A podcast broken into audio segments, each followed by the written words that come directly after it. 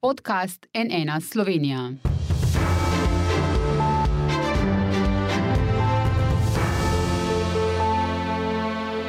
Dobro dan, to je NN studio. Najvišji ameriški obisk na Tajvanu po letu 1997 je pritegnil pozornost vse svetovne javnosti. Zakaj je predsednica ameriškega predstavniškega doma Nancy Pelosi sploh obiskala otok in s tem razjezila Kitajsko? Zakaj ravno zdaj gre res za predvolilno potezo? Kaj je sporočilo obiska? Kako daleč bo šla Kitajska in zakaj je svoj lonček zraven takoj pristavila tudi Rusija?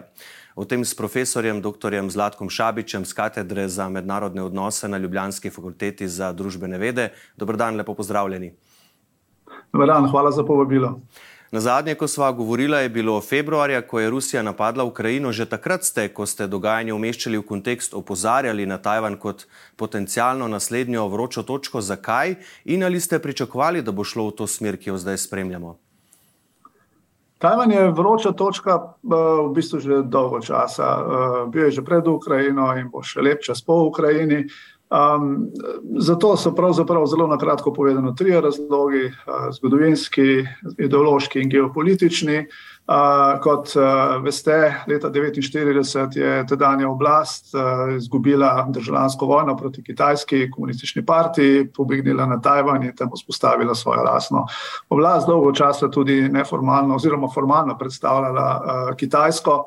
In potem seveda se je tudi to spremenilo. Drugi, kot sem rekel, ideološki, Tajvan se je s časoma, torej po koncu hladne vojne, razvil v demokracijo in je v tem kontekstu postal popoln antipod komunistični Kitajski in na tem zelo veliko gradi tudi svojo, eh, bom rekel, medijsko in siceršno podobo. Eh, in tretji so geopolitični, eh, Tajvan kot otok je na izjemno občutljivem, strateško pomembnem območju, ki si ga, nad katerim želi nadzor imeti ZDA in tudi Kitajska. Mhm. Eh, na novinarski konferenci s predsednico Tajvana je Nancy Pelosi dejala, citiram, ZDA sicer spoštujejo politiko ene Kitajske, a solidarnost s Tajvanom je pomembnejša kot kadarkoli. ZDA podpirajo status quo in ne želijo, da se Tajvanu karkoli zgodi na silo. Konec citata. Kaj vi razberete iz tega njenega sporočila? To je uh, politika ameriškega kongresa, uh, ki je uh, torej povezana s tem. Uh, tako zvanim uh, torej aktom o odnosih s Tajvanom, uh, in uh, ki v resnici uh, govori uh, eno stvar, to pa je, da um, v bistvu uh, pričakujejo, torej ZDA oziroma ameriški kongres, še posebej tukaj ameriški kongres, to moram povedati, igra izjemno pomembno vlogo.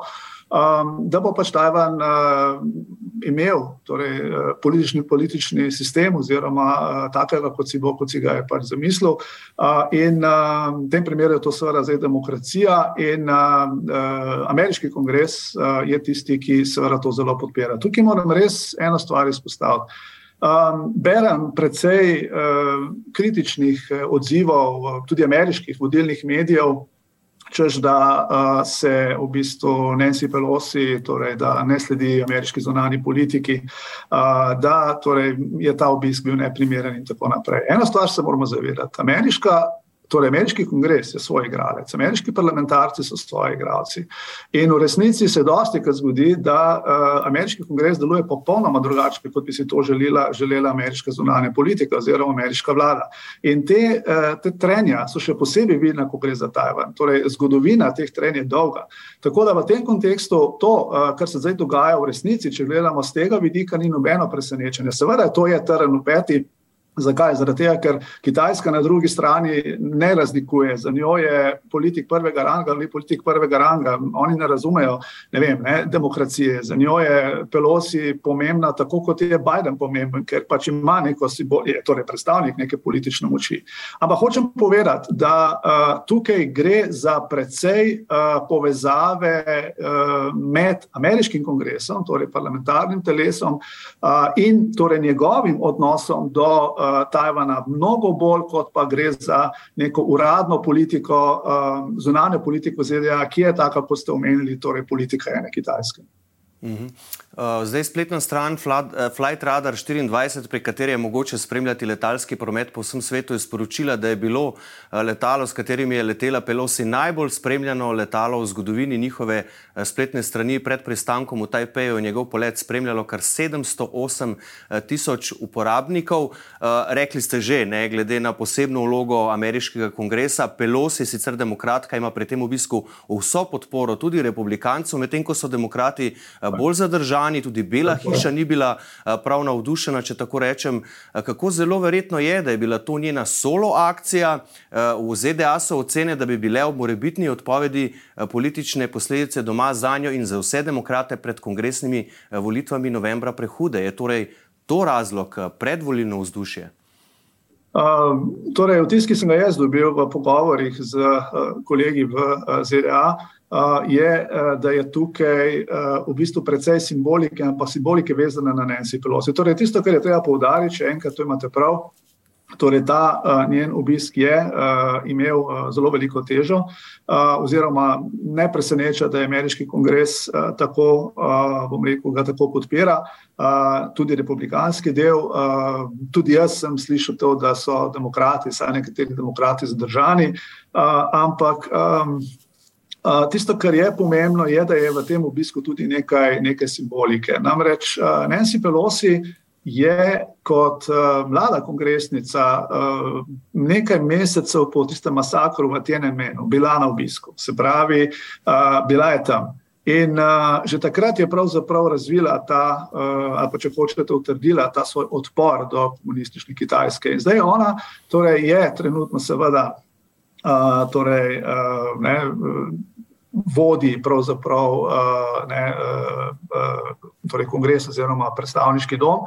Uh, in ona ve, da je njen mandat se bo z naslednjimi torej, volitvami končal. Uh, torej, naslednje leto Pelosijeva ne bo več uh, na čelu torej, tega uh, predstavniškega doma. Uh, in uh, za njo pravzaprav to ne gre nobene razlike. Tudi ve se, da bodo demokrati uh, zgubili, uh, izgubili torej, večino in uh, iskreno povedano ameriške javnosti. Iraška javnost briga Tajvan, če smo čisto pošteni. Tako da tukaj ne vidim neke posebne, tukaj ne vidim neke posebne uh, kalkulacije, da bi uh, Amerika oziroma da bi, Pelo, da bi Peloseva dobila neke, ali pa demokratska stranka dobila ali celo zgubila neke, neke dodatne glasove v, v, torej v javnosti. Torej, to še enkrat, Amerika je demokracija, kakorkoli obrnemo. Take logike funkcionirajo v avtokracijah oziroma državah, ki so pač tako ali drugače nedemokratične, kjer se voditelji, ko vidijo, da se jim, da se jim trese stolček, uh, udarijo nacionalistično ali nacionalno noto in poskušajo na ta način svojo pozornost oziroma pozornost javnosti preusmeriti nekam drugam. To se v Ameriki ne dogaja. Ja, se pa dogaja v Evropi, ne tako daleč tako od nas. Kaj pa reakcija Kitajske, ki je omejila uvoz Tajvana in začela z obsežnimi zračnimi in pomorskimi vojaškimi vajami okoli Tajvana, uporabila bo celo pravo streljivo obali Tajvana, pa se bodo približali na vsega 20 km? Ja, torej, uh, vsekakor je to za pričakovati, to so vsi vedeli. Uh, če bo prišlo do tega obiska, Kitajska je bila um, nervozna. Um, Tudi za manjše uh, obiske, uh, vedeti moramo namreč, da je seveda današnja Kitajska um, bila, prej ste omenili, da je bil zadnji tako visok obisk, obisk Newta Gingriča. Um, Kitajska je danes seveda uspenjajoča se vele sila, ki želi dokazati svetu, ne samo, da je uspenjajoča se vele sila, ampak da je vele sila. In kot vele sila, seveda, mora njena retorika uh, biti ustrezno podkrepljena z dejanji. Um, in to zdaj Kitajska počne. Kitajska bi izpadala, izpadla zelo, zelo, oziroma njeno vodstvo, uh, njen, uh, njen, njen predsednik, njen vodja, če hočete, Xi Jinping, um, bi izpadel zelo um, nekredibilen, tako v notranji javnosti, kot v mednarodni javnosti, če bi Kitajska na to odgovorila, bom rekel, nekoliko, v narekovajih, pojeno prizanesljivo. On si tega ne more privoščiti, tako da so to vsi vedeli. Vprašanje, ki se postavlja, vedno je samo to, ali bo to se spremenilo v vojno za Tajvan. Um, in uh, tukaj uh, seveda vse je mogoče, ampak je predvsej dejavnikov, ki govori, da bo dejansko prišlo do verjetno največje demonstracije sile v zgodovini uh, Kitajske, ko gre za Tajvan. Um, ampak ja, na neki točki seveda se bo v bistvu ta, uh, bom rekel, ta boj, oziroma boj, ki je neka, nek poskus, torej boj za prestiž na tem območju, nadaljeval. Dokdaj je zelo težko reči, lahko da bo prišlo do neke resne vojne čez par let, čez desetletje. Dejstvo je, da pod, tem, eh, pod to oblastjo, torej pod komunistično oblastjo uh, Ljudske republike Kitajske, je Tajvan na agendi uh, in po njenem mnenju je pač Tajvan del Kitajske in ga je tako in drugače treba pripeljati noter. Tajvanci se seveda s tem ne strinjajo, menijo, da bi to tih mogli dokaj vprašati, temu primerno so obnašajo.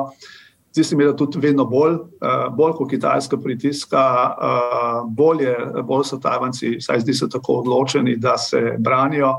In eh, tukaj gre zadeva res v neke razsežnosti, kjer bi, saj po mojem mnenju, mogel biti na neki točki napravljen premislek, ali je res potrebno ta cilj doseči po poti silo, ali ga je mogoče doseči tudi drugače. Torej, cilj, v katerem bi Tajvan in Kitajska na nek način sobivala, ko sta pač tu sta čas do zdaj. Nekateri analitiki omenjajo možnost ponovitve krize iz leta 1996, ko so ZDA predsedniku Tajvana izdale vizum za obisk eh, slovesnosti na univerzi, kjer je prej študiral. Kitajska je potem premeščala približno 100 tisoč svojih vojakov, izvajala raketne poskuse eh, v tajvanskih vodah. Ena od raket pa je celo takrat preletela eh, prestolnico Tajpej. Se lahko morda ponovi kaj podobnega, vendarle je bila Kitajska leta 1996 čisto nekaj drugega kot Kitajska 2022. Um, torej, ja, seveda, uh, zgodi se lahko marsikaj. Uh, Kitajska leta 96-97 je seveda nekaj drugega kot je Kitajska. Leta 2022, ampak mi se zdaj pogovarjamo o tehnološkem dejavniku. Uh, ZDA leta 96-97 tudi ni ista kot je, bila, kot je ZDA leta 2022. In Tajvan, ne na zadnje, leta 96-97 ni isto kot Tajvan leta 2022 in to vsi vemo. Tako da um, uh, tukaj je precej stvari uh, v igri, tukaj je tudi ne na zadnje gospodarsko sodelovanje, pomen, ki ga ima Tajvan v, uh, torej na področju znanosti in tehnologije. Um, torej niso samo, uh, bom rekel, uh, Kitajci morajo zelo računati, oziroma torej praktično cel svet uh, mora torej biti zelo previden s temi, bom rekel, klasičnimi oblikami vojskovanja Eh, preveč stvari je eh, povezanih. Če gledamo samo, recimo, Evropo, ki seveda v primeru, če bi do tega prišlo, uh, torej do neke res neke vojne za Tajvan, ne bi mogla biti tiho uh, in bi spet verjetno šla za nekimi sankcijami. Uh, veste, to so nepredstavljive številke, ne vem, uradne številke so, da je izvoz Evropske unije na Kitajsko orang preko 200 milijard, uh, uvoz iz Kitajske orang preko 400 milijard. Mislim, veste, mi si zelo težko uh, predstavljamo, če bi prišlo do vojne, ne, kako zelo bi ta vojna na svoj način bila podobna eh, prvi svetovni vojni, drugi svetovni vojni. Torej, svet bi se sesul, padel nazaj na 20-30 let nazaj. Zdaj samo vprašanje, ali je torej, vse to, kar se trenutno dogaja, pa ni to nujno samo Tajvan, vredno tega, ne? ali res ni na neki točki potrebna, uh, potrebno iskanje rešitve, ki bi bila suboptimalna, s katero nihče ne bi bil zadovoljen, bi pa vendarle uh, preprečila, uh, bom rekel, kataklizmo, ker uh, pravim, samo ta številka, ki sem jo zdaj omenil, da ne govorim, da je seveda Kitajska, kot sami veste, kitajska ekonomija zelo odvisna od ameriške in obratno. Um, ali je dejansko so uh, te posamezniki, lider, posamezni lideri, uh, res tako, bom rekel, odvezani z verige, da lahko počnejo, kar hočejo.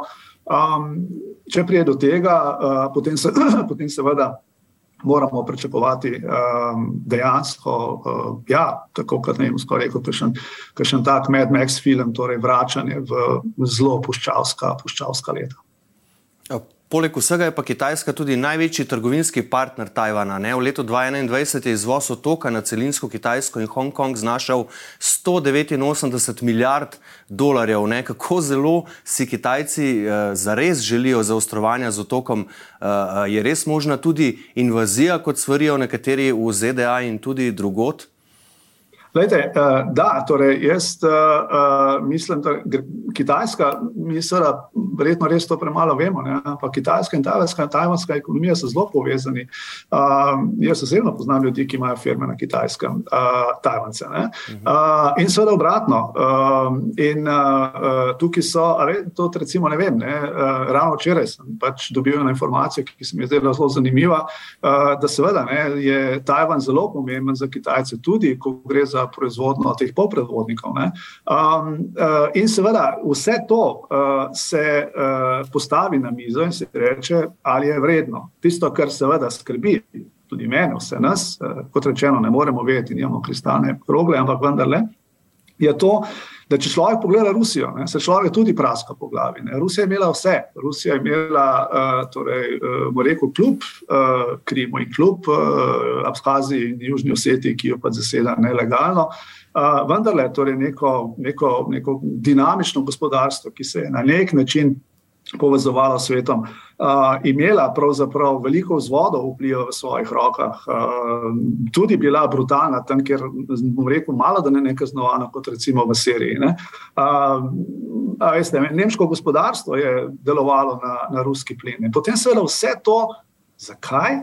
Zaradi Ukrajine, uh, uh, pri čemer pogajalsko gledano, uh, torej ideja, po kateri bi Rusija dosegla svoje interese, recimo konkretno uh, ne članstvo Ukrajine v zvezi NATO, so bile še vedno zelo odprte. Zakaj torej iti v ta konflikt, ko to človek vidi? Seveda potem.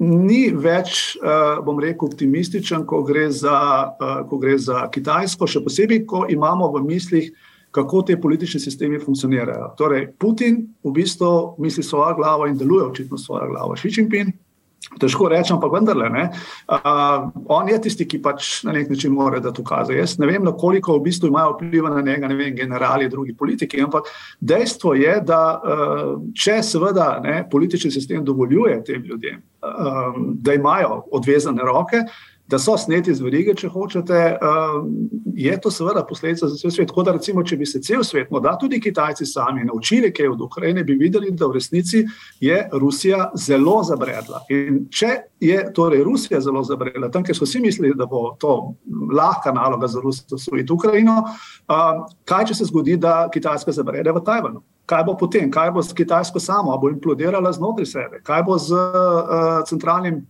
vodstvom, kaj bo v bistvu za mednarodno skupnostjo. Jaz upam, no, da tudi na kitajskem je dovolj razumnih ljudi, ki pozorno spremljajo Ukrajino in pozorno spremljajo ukrajinsko izkušnjo in bodo na tem, na, v tem kontekstu tudi vodili svoje nadaljne politike. Ja, da bo to za njih ena pomembna lekcija, ko ste ravno omenili Rusijo. Ne? Kje je tu njihova računica pri tej zgodbi med ZDA in Kitajsko? Zunanji minister Sergej Lavrov je dejanje Nancy Pelosi označil za načrten poskus Washingtona razjeziti Kitajsko. Zakaj menijo, da jim koristi, če javno takoj obsodijo tako obisk? Um, torej, zdaj, Tebi je to postavil na dve ravni. Torej, uh, zagotovo uh, je ena raven ta, da glede na to, da se Kitajska ni izrekla proti, uh, torej, uh, ni, naspot, ni naspot, eksplicitno nasprotovala ruske agresiji na Ukrajino, seveda nekje mora se tukaj uh, in tudi sicer ne, sta partnerja se relativno, bom rekel, uh, kar podobno, uh, konsistentno glasujete en za drugega v mednarodnih inštitucijah. Um, to ni nepričakovano, to, kar je pač uh, zunanji minister rekel. Po drugi strani je pa treba vedeti, da torej Rusija ni vele sila, Rusija je sila drugega ranga, uh, ruski domet je uh, regija, in temu primerno se tudi obnaša. In Rusija nikoli ne bo, ali pa če hočete, v doglednem času Rusija ne bo in ne more biti sogovornik za mizo, ko se odloča o dinamiki, torej dinamiki prihodnosti mednarodne skupnosti. Je sogovornik, ni pa, pa tisti, bom rekel, zdaj uh, torej tisti dvojec, ki o teh stvarih odloča. To so ZDA in Kitajska. Tako da uh, tukaj se mi zdi, da uh, Rusija seveda lahko uh, pač, uh, prispeva svoj delež, uh, lahko seveda tudi pomaga, kot recimo zdaj na zadnje Kitajska pomaga. Je, seveda, ne bom rekel, da tako, ne, oboji imajo nekaj od tega ne, z izvozom uh, torej fosilnih uh, virov na, uh, na Kitajsko. Um, strani Rusije, um, tukaj je, seveda, so neke, bom rekel, neke povezave, ampak širša slika, širša slika je taka, da uh, Rusija lahko komentira tako kot lahko komentira katera koli druga država, kot konec koncev lahko komentira Evropska unija, kjer, kot vidite, spet nimamo skupne zunanje politike, skupnega zunanjega uh, pristopa k temu problemu, kar je notoričen problem Evropske unije in kar, kar bo Evropsko unijo teplo tudi v prihodnosti. Jaz ne vem, kdaj si bodo ti politiki prišli na čisto, da je Evropska unija kot zunanje politični akter postaja če dalje bolj minorna ravno zaradi te nesposobnosti delovati kot eden. Um, je, uh, torej, uh, je to zdaj pač ena, ena skupina držav, ki so komentatorji, Velika Britanija je komentator, Francija je komentator, uh, ampak kot rečeno, zgodba se odvija v, v, na povezavi Washington-Peking. Uh, mm -hmm. Kaj pa vam pove ta odziv ameriških zaveznic? Ne omenili ste enotno zunanjo politiko Evropske unije, ki je pravzaprav ni, ampak tu pri tem obisku tudi nismo slišali prav veliko nekih uh, izrazitih komentarjev. Uh, tu svet, te evropske države in tudi druge malo zadržujejo dih, da vidijo, kaj se bo zgodilo ali je kakšen drug razlog. Jaz mislim, da je, da je, uh, da je v osnovi to simptom uh, tega, da se v uh, Evropski uniji preprosto um, določene politike pač nimajo vizije. No, tako bomo rekli, vizije sveta. Evropska unija, po mojem globokem prepričanju, um, se zaveda samo ene stvari. Ene in na tej točki ne upravlja svoje naloge. Zaveda se tega, da je če dalje bolj marginaliziran akter v mednarodni skupnosti kar ne počne, je vizijo znotraj tega. Se pravi, ali je v tem kontekstu, eh, čeprav nismo več center sveta, um, v bistvu še vedno prostor za Evropsko unijo kot, uh, kot nekega, bom rekel, kredibilnega akterja. In pot tja je skozi. Med drugim skozi skupno, skupno, trikrat počrtano, zunanjo in varnostno politiko. Skratka, šele takrat, ko bo Evropska unija govorila kot eden, bo seveda lahko Evropska unija kaj naredila. Ampak kot vidite, ne, že pri Ukrajini, ne na zadnje, zdaj tudi pri, torej pravite, zadržani, ne, posamezne države, Litva. Ne, Litva je bila tista, ki se je, ki se je eksplicitno um, izrekla za, v podporo Pelosijev, ostale so bili nekoliko bolj zadržani. Um, in uh, um, tukaj se mi zdi, da uh, bi pravzaprav Evropska unija mogla dati svoje stališče. Zdaj, kaj bi bilo to stališče? Jaz mislim, da je to relativno, uh, bom rekel, jasno uh, in sicer uh, Evropski parlament je glede tega deciden, torej Evropski parlament uh, pač smatra, da je ta demokracija in demokracijo treba podpirati. Evropska unija je utemeljena na človekovih pravicah in svoboščinah, na demokraciji kot družbeni ureditvi.